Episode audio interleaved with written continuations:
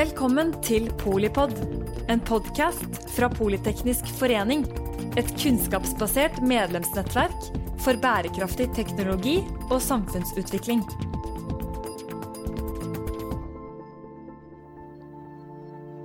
Hjertelig velkomne til eh, denne Polipod-episoden om energimarkedene og hva som skjer i den store energiverden fremover. Til eh, å hjelpe oss med å forstå det, så har vi med oss eh, Gry Johanne Aamodt fra Statkraft. Der er du leder av Global energianalyse. Og vi har med oss Sverre Alvik fra DNVGL. Sverre er forskningsleder for energiomstilling der. Da må jeg spørre dere, da. Hva vil energimiksen være fremover, eh, Gry? Oi, det er jo et eh, stort og vanskelig spørsmål. Eh, det er jo selvfølgelig veldig usikkert hva som skjer fremover. Vi kommer jo årlig med lavutslippsscenarioet vårt, der vi prøver å gi et anslag på hva som kan skje. Så ser vi jo det at i år er det spesielt vanskelig med pandemien, som jo kommer til å påvirke den globale økonomien i eh, lang eller kort tid framover, som gir ekstra usikkerhet ikke sant, i årets anslag. Men vi har jo et syn, og vi mener noe om hva som skjer framover, og, og, det er jo preget av at eh, fornybart kommer til å ta en stadig større rolle i, i eh, energimiksen. Særlig så ser vi jo dette for Europa, eh, som har vært og, og, og, fortsetter å være en spydspiss innenfor det, denne energiomstillingen vi snakker om. Som har hatt uh, ganske ambisiøse mål, og fortsetter å ha ambisiøse mål for reduksjon av klimagassutslipp. I 2030 så har jo målet deres vært 40 og nå gikk akkurat EU-kommisjonen ut og foreslo 55% kutt i 2030. Så vi tror at eh, det skjer store forandringer der ganske raskt, med eh, en kraftsektor i 2030 som der tre fjerdedel av produksjonen er utslippsfri. Og så må vi jo prøve å skille litt mellom hva vi tror skal skje, og hva vi ønsker skal skje. Og, og i hvert fall hvis vi tar på oss miljøhatten, så er det veldig lett å se uh, alt det grønne og se alt med grønne briller og ønske at ting skal skje veldig fort. Men vi vet jo at energimiksen i dag er over 80 eh, fossil energi. Altså summen av kull, olje og gass er over 80 Og dessverre, eh, når vi ser på den globale bildet, så er vi fortsatt på mellom 70 og 75% i 2030. Så vi går fra 80 til eh, noen og 70% og det er jo ikke særlig raskt i forhold til det vi skulle ønske. Og så er vi helt enig i at Europa er et foregangsland, og Europa er også et av de stedene hvor det har skjedd veldig mye positivt det siste året. Mm. EUs eh, Green Deal virker til og med å være ganske robust i forhold til eh, korona- og de økonomiske omstillingene som, eller økonomiske utfordringene som, som EU og andre land møter. Så, så, vi i DNVGL, som også utga vår analyse nå for bare to uker siden, eh, vi kaller det 'our most likely future'. Mm. Og Det er jo ikke fordi vi vet hva som kommer til å skje, eh, for det gjør vi ikke, og fremtida kommer til å overraske oss som alle andre. Men vi har valgt å lage bare én framskriving på det vi tror kommer til å skje. Ikke business as usual, men med det momentet vi ser er der. Mm. Og Det er altså ikke den framtida vi ønsker oss, men den framtida vi tror kommer til å skje. Og i den så har vi fortsatt over 70% fossil energi i 2030. Mm. Kan du si litt om forutsetningen for lavutslippsscenarioet vi publiserer? Det er jo eh, ikke base case, vi lager flere scenarioer. Men eh, det er det scenarioet vi lager der vi prøver å belyse hva som skjer framover hvis det veldig høye eh, tempo som har, vi har sett innen fornybar utvikling de siste ti årene, hvis det vedvarer. Og vi ser på en måte samme eksponentielle vekst framover som vi har sett nå de siste årene. Eh, så det er utgangspunktet måte, og forutsetningene for, for scenarioet. Vi er optimistiske, men det vi mener er realistiske eh, på hvordan utviklingen skjer framover. Og vi ser jo det eh, i dag, at de anslagene vi kom med i lavutslippsscenarioet for tre-fire år siden, at mange av dem har vist seg å realiseres fram til i dag. Og det er veldig positivt. Vi ser også en veldig positiv utvikling, eh, særlig innenfor strøm. Og, og eh, prisen på sol for eksempel, er jo lavere enn de mest optimistiske analytikerne så for seg for eh, noen år siden. Mm. Eh, så, så, alt som har med strøm å gjøre, også elektrifisering av eh, bilparken, ser vi at det går veldig fort. Men så vi, ser vi dessverre at det ikke går så fort innenfor en del andre sektorer. Eh, og det er naturlig at man plukker de lavthengende fruktene først, sånn som har vært Mm. gjort. Og, og, og strøm eh, går det an å gjøre grønn relativt enkelt. Mens det som skjer innenfor eh, oppvarming, eh, industri, eh, langtransport, eh, shipping og fly, det går veldig sakte. Og de mer utfordrende sektorene som må avkarboniseres på en eller annen måte, f.eks. gjennom gass, det gjør at, at totale energibildet er eh, mye mindre grønt enn det vi skulle ønske, og er hovedgrunnen til at vi ikke peker på at vi er på vei mot Parisavtalen. Mm. Jeg kan jo bare støtte det du sier der, Sverre. Vi ser jo i kraftsektoren har det jo skjedd helt utrolig mye de siste ti årene.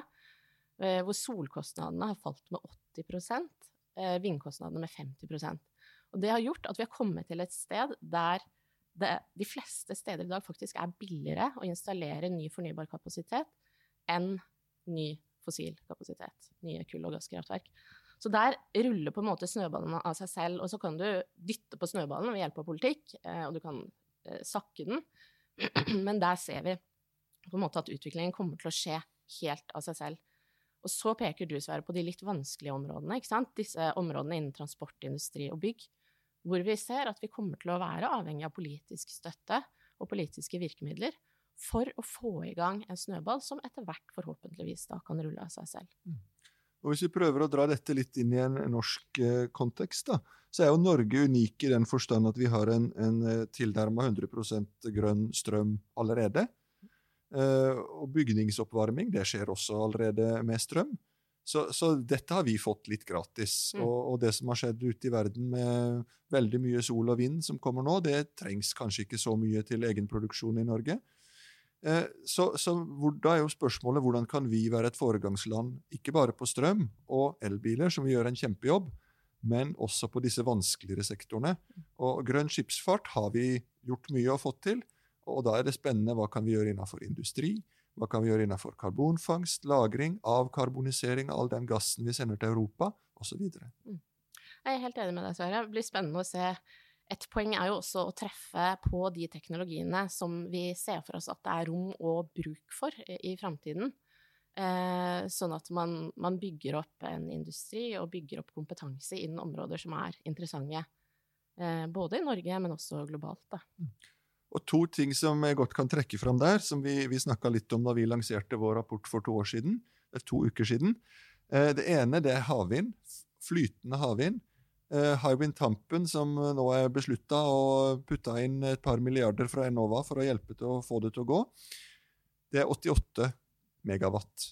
11 turbiner på til sammen 88 megawatt. Vi mener at i 2050, som jo ligger langt fram, så vil det være 3000 Hywind Tampen-felt globalt.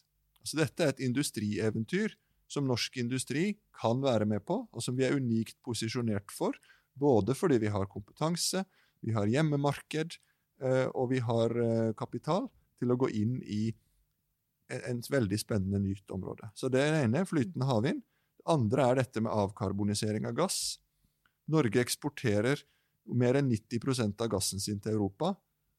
Og vi gjør et kjempeveddemål hvis vi tror at de vil ha den naturgassen i den formen den er nå, mot 2050. Så, så vi, må, vi må enten tro at de vil gjøre den grønn, eller så må vi gjøre den grønn for dem. Vi må se på alt fra å gjøre, lage hydrogen selv ute på, på sokkelen, til å lage et hjemmemarked for hydrogen, der vi også kan utnytte våre, våre fortrinn der. Mm. Er spennende dette med hydrogen. Vi også ser jo at uh, ikke sant, der hvor, de prosessene og områdene innen både transport, industri og bygg der du kan bruke strøm, så er det ofte det mest kostnadsoptimale alternativet. For der får du brukt 100% av energien som går inn i prosessen. Men så er det noen områder der det er vanskelig å gjøre det. Det gjelder f.eks. tungtransport, hvis du skal frakte noe over havet. Og det å bruke hydrogen inn i de prosessene, det tror vi også kommer til å bli aktuelt. Og så har du jo såkalt grønt hydrogen, som lages fra fornybar kraft eh, og elektrolyse, og så har du blått hydrogen som lages ved hjelp av naturgass, og karbonfangst og -lagring. Vi tror jo at det kommer til å bli et behov for begge de løsningene. Vi ser jo at dette diskuteres jo politisk i Europa, og det er ikke helt gitt hvordan de kommer til å stille seg.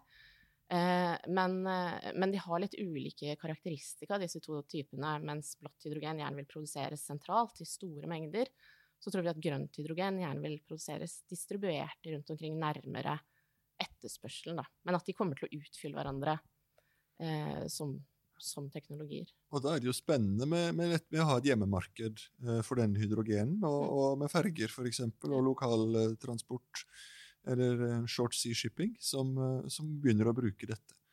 Og bare for å prøve å legge den ballen død, vi tror ikke at uh, personbiltrafikken i Norge kommer til å gå på hydrogen. De, de, klarer ikke å konkurrere med, med elbilene. Så, det tror ikke vi det gjør noen steder, heller ikke globalt. Det er klart det er et infrastrukturspørsmål, men, men vi tror også at el, altså i personbilsegmentet så kommer el til å ta størsteparten av, av potensialet. Ja. Og mens det finnes eh, segmenter i, i uh, tungtransport som er vanskelig å elektrifisere. Hvis du skal kjøre en trailer med laks fra Møre til Roma, så uh, kan du ikke i dag, uh, og kanskje heller ikke i 2030, elektrifisere den, den traileren. Nei. Det er jo et område jeg ser for meg at her er det, det er veldig avhengig av teknologiutvikling på batterisiden og på hydrogensiden. Så der er vi mer usikre, men, men, men absolutt potensial for at hydrogen tar, tar den delen nå absolutt. Vi hører jo ofte mm, utenfor eh, Norge eh, snakke om eh, rosa hydrogen og, og, atomkraft. Er det Det er kanskje mest NGL som ser på energimiksen? Ja, vi Altså, kjernekraft er jo omstridt av, av, mange årsaker. Men hovedutfordringen til kjernekraft, sånn som vi ser det, det er pris.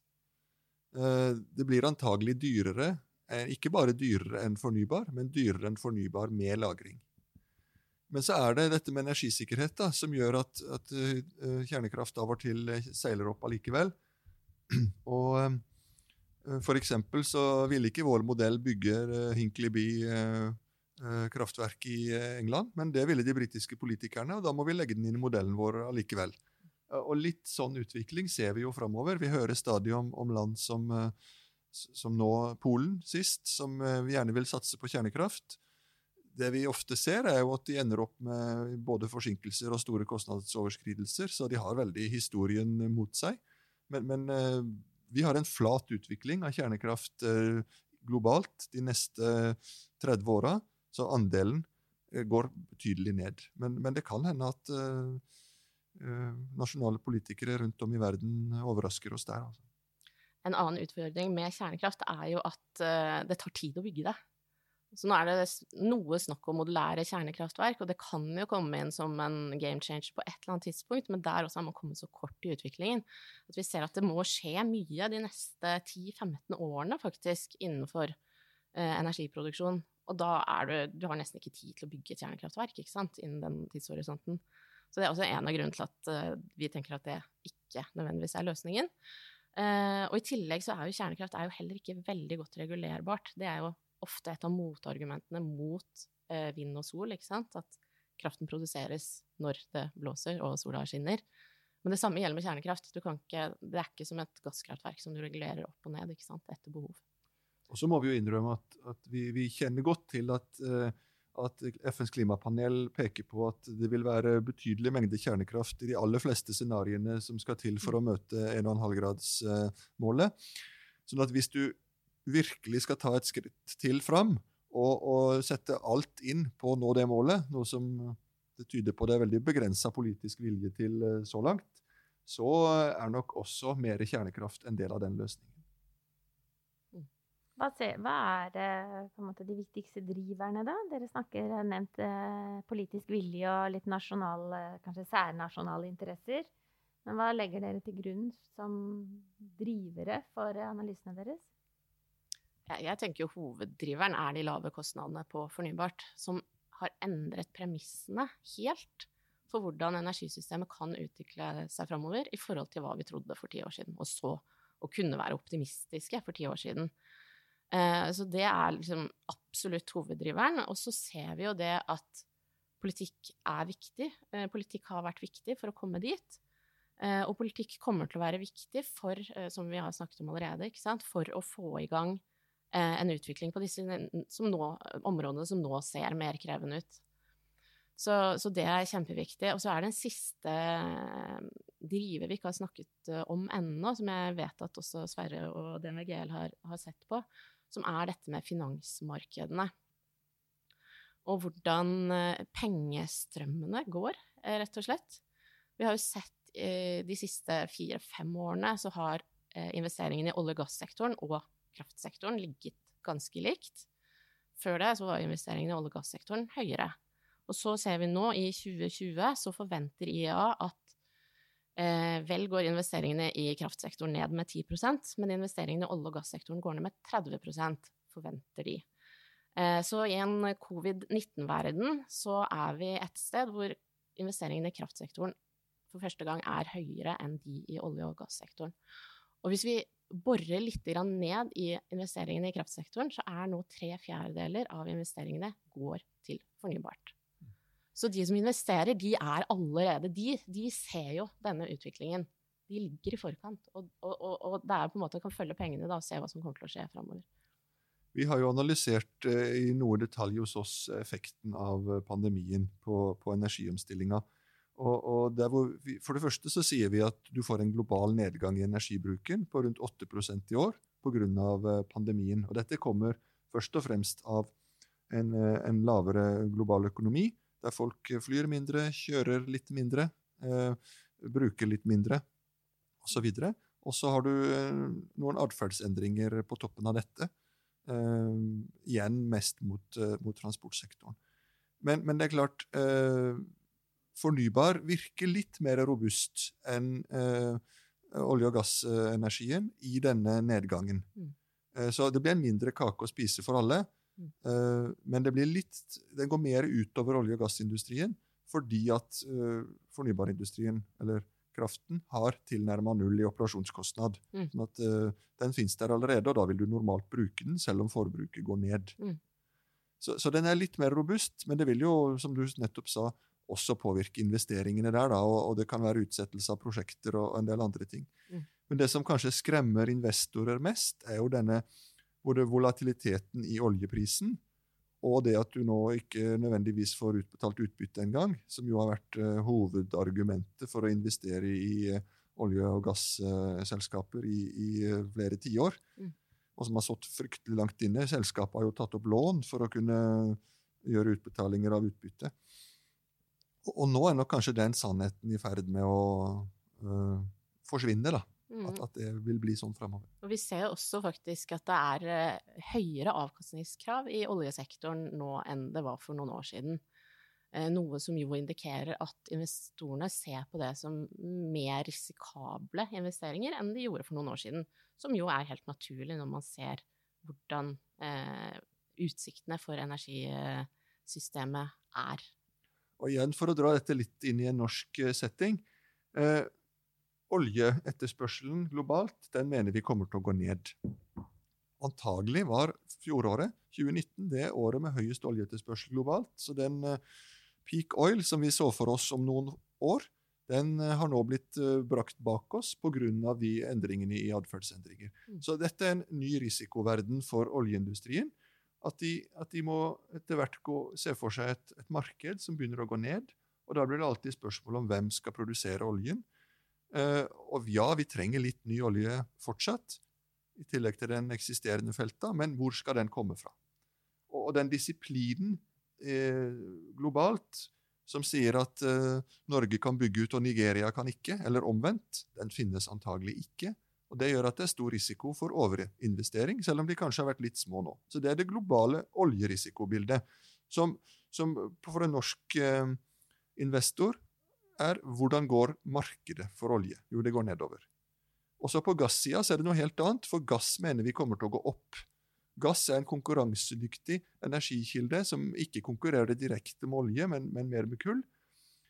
Der er vi mer det regionale bildet som er en stor risiko, fordi at vi har satsa alle korta våre på en eksport til EU, som kanskje ikke vil ha den gassen som vi har. Så selv om det globale markedet går opp, så har ikke vi muligheten til å eksportere til det globale markedet. Så det er risikobilder både for gass og for olje, men to helt forskjellige bilder. Mm. Nei, et Europa som ikke skal slippe ut noe CO2 i 2050, vil nok ikke ha eh, naturgass med utslipp, i hvert fall. Da må man tenke nytt rundt det. Mm. Mm. Men hva tenker dere om uh, karbonfangst og eh, avkarbonisering av gass og sånt i deres uh, energibilde i Statkraft? Vi ser jo at karbonfangst og -lagring er en dyr teknologi. Det er, det er jo en av teknologiene det er høy usikkerhet knyttet til, tenker jeg. Og så ser vi at for å komme til uh, følge Paris-målene, i hvert fall hvis man skal nå 1,5 grad, så er man avhengig av den teknologien globalt. Mm. så vi, vi, tror på noe karbonfangst og -lagring, men, men, at det er et dyrt alternativ. Da. I våre vurderinger i, i DNVGL så har vi i år en litt høyere karbonpris enn det vi hadde i fjor, mm. fordi vi ser nettopp denne robustheten til EUs eh, e Green Deal. Så vi har gått opp til eh, gradvis økning fra, fra 30 og opp til eh, rundt 80 dollar i 2050 mm. per tonn CO2. Mm. Og det gjør at, at, vi har omtrent dobbelt så mye karbonfangst i år som det vi hadde i fjor globalt. Men, men vi snakker fortsatt om Eh, rundt 15% av utslippene mot midten av århundret, så det er fortsatt eh, ganske begrensa. Ja. Er det da Europa, eller er det Kina, eller hvor er det dere ser at eh, den si, teknologiutviklingen og kostnadsfallet vil, vil, komme? Det er jo begge deler, da, og det er det som, som ligger inne i, i, modellen vår. At hvis du først får en teknologiutvikling, så, så vil hele verden kunne dra nytte av den. På samme måte som vi nyter godt av billig sol i dag, fordi at først Japan, så Tyskland, så Kina putta inn masse milliarder i, i subsidier, så vil uh, f.eks. Kina nyte godt av hvis, hvis, Europa begynner med karbonfangst. For da kommer teknologikostnaden ned, sånn at uh, det blir å billigere å installere dette også i Kina. Så, så de to ledende regionene i, i, i volum er eh, Europa og, og, Kina med karbonfangst i, i våre analyser. Ja vi, vi, også har det litt spredt rundt, men ikke, som sagt ikke store mengder. Altså, Curiosity, hvor er det Statkraft eh, opererer utenfor eh, Norge? Eh, vi er jo Europas største produsent faktisk av fornybar energi. Mye i Norge, en del i Sverige og også på kontinentet. UK, Tyskland. Og så vi, har vi en del virksomhet i India, Brasil, Chile, Peru. Så ganske bredt. Bredere enn de fleste vet. Mm. Men vi hoppa litt, eller vi gikk litt raskt over dette med fra drivere. Jeg var litt tilbake til, mm. til drivere. Mm. For det er klart, det som ligger bak her som og gjør dette til en ønskeomstilling, det er jo eh, det globale miljøperspektivet. Eller klimaperspektivet. Mm. Og, og, og, nesten alle politikere i dag de eh, går jo høylytt ut og sier at vi støtter Parisavtalen. Men om de er, så spørsmål er jo i hvor stor grad støtter de den? Mm. Hvilke virkemidler er de eh, Tør de sette i gang? Det å tørre å ta politiske, upopulære avgjørelser, enten det er eh, skatter og avgifter eller standarder eller eh, forbud eller påbud eller andre ting som er politiske, en del av den politiske verktøykassa, det er jo veldig spennende å se hva som, som kommer framover her. Og her er jo store nasjonale og internasjonale forskjeller. Det som jo er et paradoks her, det vet jeg at dere også har sett på svaret, det er jo at eh, den utviklingen eh, vi skisserer i lavutslippsscenarioet, den dere skisserer i deres scenario, eller forecast, er jo eh, Den er ikke dyrere. Du ender ikke opp med et dyrere energisystem i 2050 enn det vi har i dag. Og det til tross for at vi legger til grunn Eh, en betydelig økonomisk vekst, befolkningsvekst, ikke sant. Så kostnaden per menneske, eller per økonomi, er lavere faktisk i 2050. Så det er ikke egentlig de høye kostnadene som er utfordrende her, det er den politiske eh, Det er omfordelingen, ikke sant. For noen får fordeler, og noen får ulemper i den omstillingen vi ser for oss. Så det politiske håndverket, på en måte, å klare å gjøre dette her på en måte som gjør at det ser, eller blir, blir rettferdig for flest mulig.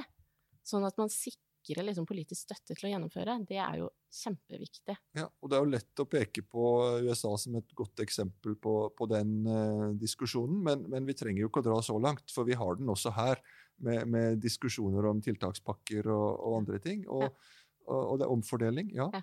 Uh, om politikere som, som, tør, og som tenker langsiktig, og som uh, ja, kan bruke røykeloven som eksempel på ting som ble dømt nord og ned, men som i etterkant har vist seg svært vellykka. Mm. Eh, og kanskje klare å fortelle en historie da, om, om sammenhengene her, ja. og hvorfor dette kanskje blir OK på lang sikt. Mm. Det er høna og egget som regel, da, med penger og politikk. Så, og hva legger dere til grunn sånn Hva kommer først her? Ja, det er et godt spørsmål. Vi, vi, vi har en kostnadsdrevet utvikling i, i vår modell. Og Uh, vi, vi, legger ingen automatikk i at mål oppnås. Uh, de mål som en, et land setter seg, uh, eller EU, eller hvem det måtte være, om 50% fornybarandel, eller, eller hva de måtte sette, det er, det er, ingen automatikk i vår modell at de vil bli oppnådd. Men, men den, de er jo førende for den politikken som, som vedtas. Sånn at jo, jo, grønnere et mål er, jo, jo, mer grønn politikk putter vi i modellen vår. Jo mer subsidier, jo mer forbud og påbud osv. Men, men eh, politikerne skal ta mange vanskelige avgjørelser, og, det er mange som ber om penger, og, og de er styrt av velgernes uh, preferanser. Så, så, vi har veldig mye økonomisk eh, parametere inn i modellen vår som styrer dette framover. Og da er det dessverre sånn at selv om det er lønnsomt som Gry sa på, på lang sikt, så er det kanskje enda litt billigere på kort sikt å gjøre noe annet. Og det er eh, hovedgrunnen til at eh, ikke disse nødvendige tiltakene blir vedtatt. Så er det en litt sånn annenordenseffekt her som vi ikke har snakka så mye om, som er eh, disse profesjonelle investorene som begynner å stille krav til bærekraftighet i de selskapene de investerer i, hvor en fjerdedel av alle, eh, alle, investeringer i USA de skjer nå under en eller annen form for krav til bærekraftighet.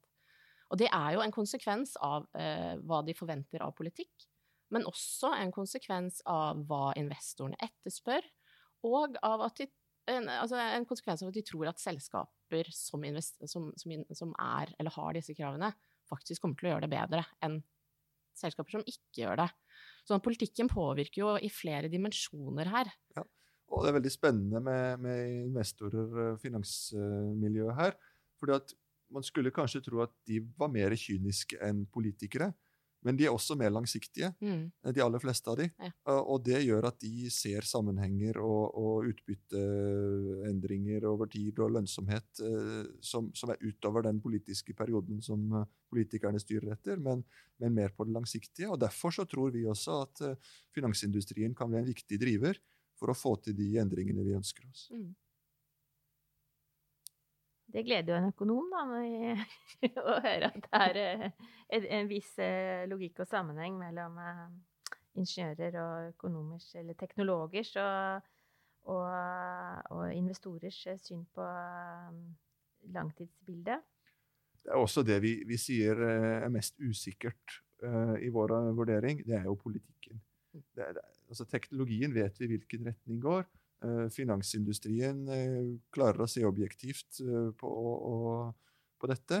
Men, men, politikerne, og hva blir karbonprisen, og hva blir avgiftene, og hvilke føringer legges Virkemidler. Ja, der, der, er det stor usikkerhet. Og når jeg blir spurt om hva som er hovedusikkerheten i våre vurderinger, så er det alltid politikken. Helt, helt enig.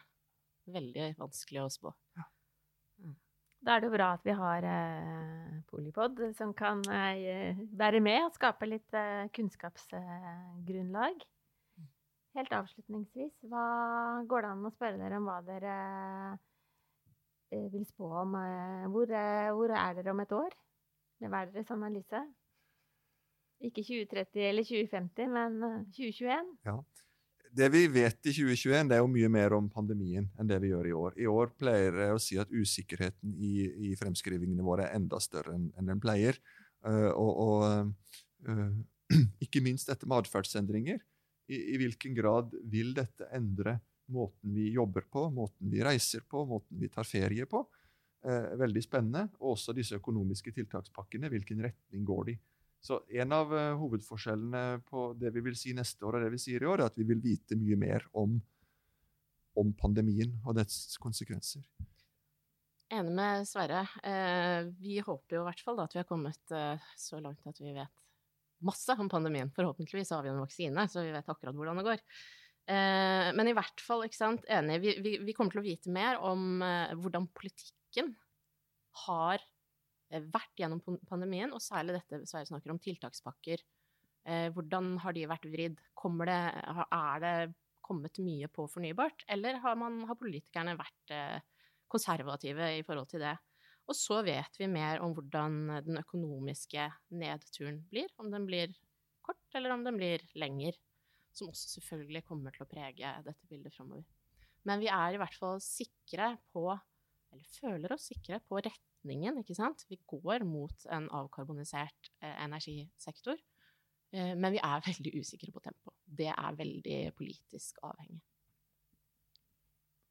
Tusen takk eh, til eh, Gry Johanne Aamodt, eh, leder av global uh, energianalyse i Statkraft, og til Sverre Alvik, forskningsleder for energiomstilling. Jeg tror rett og slett dere må komme tilbake om et år og, og, se litt retrospektivt på hvordan det da ser, ser ut, og gi oss nye, ny kunnskap om energimarkedene fremover. Takk, takk skal du ha. Takk for at vi fikk komme. Tusen takk. Og takk til deg som eh, lytter på Polipod. Eh, energi er eh, kanskje noe du både bruker og trenger. Enten du går eller står eller løper eller på annen måte lytter til en podkast som skal gi deg litt mer kunnskap.